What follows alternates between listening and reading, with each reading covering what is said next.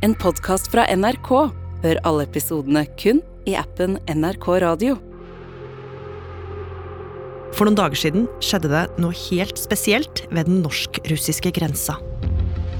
Det er en eh, fyr som har kommet over grensen fra Russland i Finnmark eh, nå rett før helgen. Eh, han hevder selv at han liksom har løpt over isen. Kulene har vint rundt ørene på ham. Han var leiesoldat i Ukraina for den beryktede Wagner-gruppen. Han rømte via Russland til Norge ved å krysse Pasvik-elva. Den russiske leiesoldaten som har rømt til Norge, sier at han har vært vitne til krigsforbrytelser, og at han vil samarbeide med norske myndigheter. Hvorfor flykta han, og hva vil skje med han nå? Du hører på Oppdatert. Jeg heter Gry Veiby. Klokka nærmer seg to, og det er natt til fredag 13. januar. Langs en mørk og snødekt vei i Pasvikdalen i Finnmark så kjører en politibil som er ute på et helt spesielt oppdrag. Det er minusgrader, og det blåser lett, og plutselig så dukker det opp en skikkelse på veien foran dem. Det er en ung mann med kort, askeblondt hår, og han har bare på seg en hvit morgenkåpe. Og de ser at det er mannen de er ute og leter etter, de arresterer han, og de tar han med seg tilbake til stasjonen. Lars Hægeland, du er journalist her i Oppdatert. Og det denne mannen forteller, det er jo helt spektakulært, og ligner mest på det man egentlig bare ser på film. Ja, mannen sier at han heter Andrej Medvedev. Han forteller at han er avhopper fra den russiske paramilitære gruppa Wagner.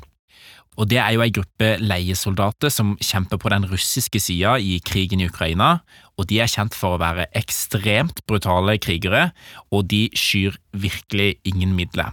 Og Han sier til politiet nå at han har vært en slags leder for en gruppe leiesoldater i Wagner-gruppa. Ja, og Han forteller også at han har flykta fordi han ikke lenger har lyst til å kjempe i krigen i Ukraina. Ja, og man kan jo tenke seg at politiet ble nysgjerrig på hvorfor han hadde hoppa av, og ikke minst hvordan han i alle dager endte opp midt på natta i morgenkåpa i snøen i Finnmark. Vi vet jo ikke helt hva han har fortalt til politiet i akkurat dette avhøret, men noe fra flukten har kommet ut. И правильно я понимаю, что ты... Я не тут... Я понимаете, дело в том, что я старался... I en video som nylig ble lagt ut på YouTube, snakker han med en fra menneskerettighetsgruppa Gulagunet om det han har opplevd. Han forteller at han i fire måneder har kjempa for Wagner-gruppa i Ukraina, men etter de fire månedene var over og kontrakten han hadde som leiesoldat hadde gått ut, så hadde han fått nok, og han var klar til å reise hjem til Russland, sier han.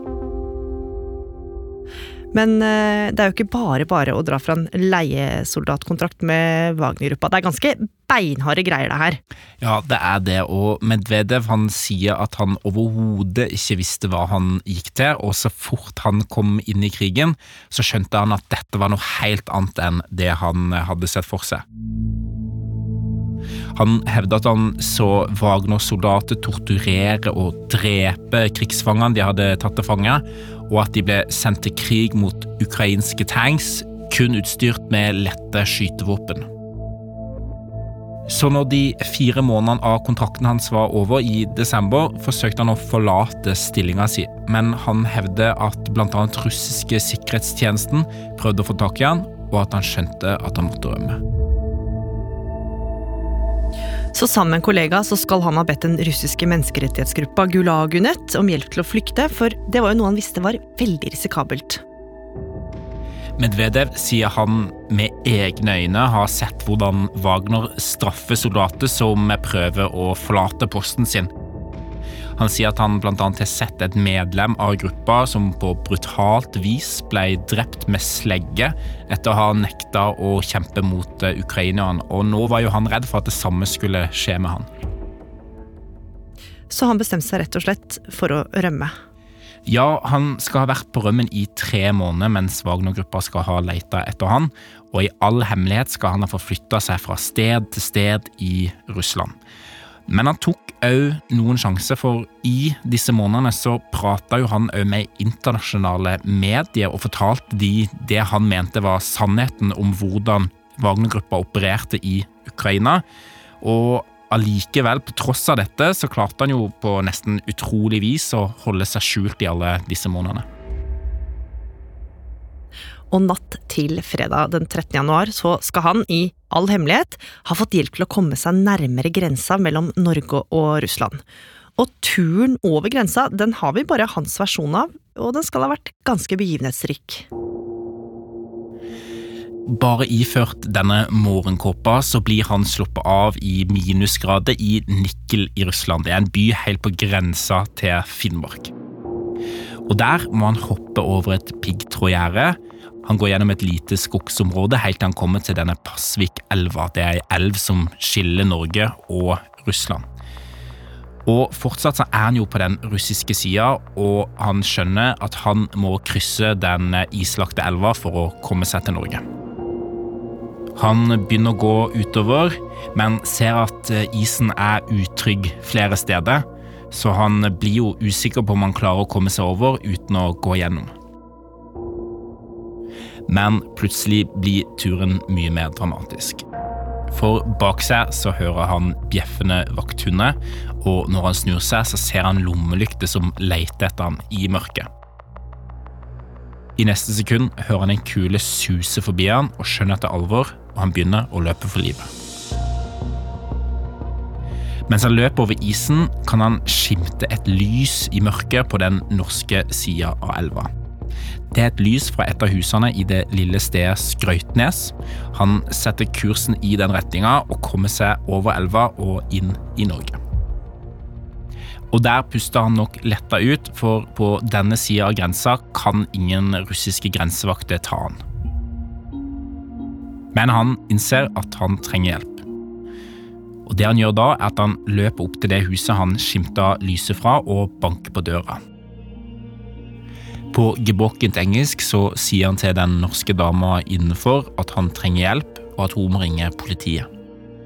Dama sier ok, ok, og Medvedev setter i gang å gå langs veien ved huset, helt fram til han blir henta av politiet. Og det er altså sånn han skal komme seg over til Norge, og det kan jo høres ut som det hele skjedde litt i hui og hast. Men nå sitter han altså der hos politiet i nord, og det er jo en ganske spesiell situasjon. Ja, det er det, for hvis det han sier er sant, så er jo han en av de første avhopperne fra denne Wagner-gruppa. Og nå ber han altså den norske staten om hjelp. Han sier han vil søke asyl. Og ganske raskt så blir denne mannen satt på et fly til Oslo, hvor han får oppnevnt en forsvarer. Og det tar jo heller ikke lang tid før den spektakulære historien som dette er, blir kjent for hele Europa. Og nå gjelder det den ryske legosoldater Wagner-gruppen som flytt til Norge. A former commander with the Russian paramilitary Wagner Group, which Russia uses to carry out some of its fighting in Ukraine, has deserted and claimed asylum in Norway. Og når nyheten sprekker, så kommer det også fram flere detaljer om bakgrunnen hans. Medvedev skal bl.a. ha vært tidligere straffedømt for eh, bl.a. tyveri da han kom ut av fengsel 6.7 i fjor, så meldte han seg inn i Wagner-gruppa, sier han. Og det passer jo ganske godt med historien vi har hørt fra tidligere om hvordan denne gruppa rekrutterer menn fra fengselet til å kjempe på fronten i Ukraina. Han sier at han var kommandant for ei gruppe på fem til ti leiesoldater som kjempa i Luhansk, helt øst i landet, og han hevder at han har vært vitne til flere krigsforbrytelser. Men etter noen dager der vi bare har hørt det han hadde å si, så skulle en helt annen versjon komme fram. For da kom Wagner-gruppa, som han altså påstått han hadde kjempa for, og fortalte en ganske annerledes historie. Ja. I en uttalelse til Aftenposten så hevder nemlig gruppa at Medvedev var en del av en norsk bataljon i gruppa ved navn Nidhogg. De påstår òg at han har norsk statsborgerskap. De mener også at han er svært farlig, og de mener at de har bevis som viser at Medvedev har mishandla krigsfange. Den norske advokaten til Medvedev han avviser blankt at uh, klienten hans er norsk statsborger. og Han sier at de undersøker påstandene om krigsforbrytelse, men at det foreløpig ikke finnes noen indikasjoner på at det er sant. På mandag publiserte lederen av menneskerettighetsgruppa Gulagunet flere bilder av Medvedev på Facebook. På bildene som forsvareren hans har tatt, kan vi se en ung fyr med flere skraper og riss på kroppen. Og selv om Medvedev hevder at han ble skutt mot i Pasvikdalen, så er det ikke tegn til skuddskader. Sigurd Falkenberg Mikkelsen, du er utenriksredaktør her i NRK. Hvor spesiell er denne saken her? Krigen kom jo veldig tett på med denne saken. Selve flukten er eh, spektakulær, sånn som historien eh, fortelles. Det å klare å komme seg over hele Kolahalvøya, komme seg over den russisk-norske grensen.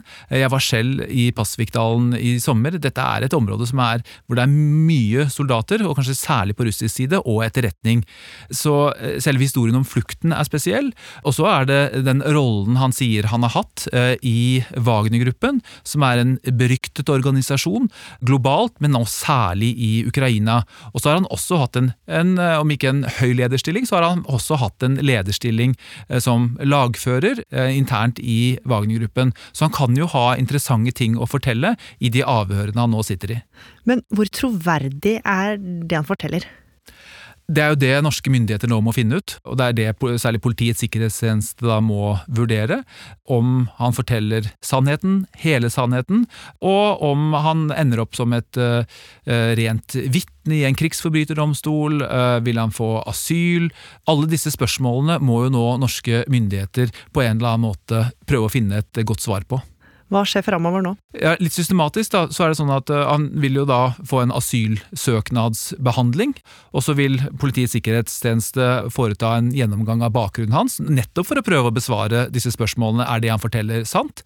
Uh, og så er det jo et annet element her som handler om uh, straff. har han begått krigsforbrytelser?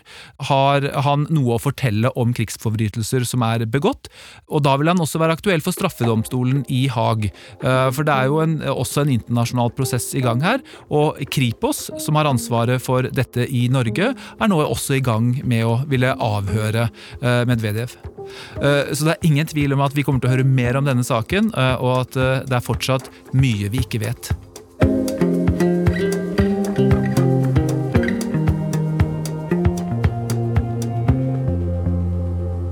Oppdatert er en podkast fra NRK Nyheter, og denne episoden den ble laga av oss.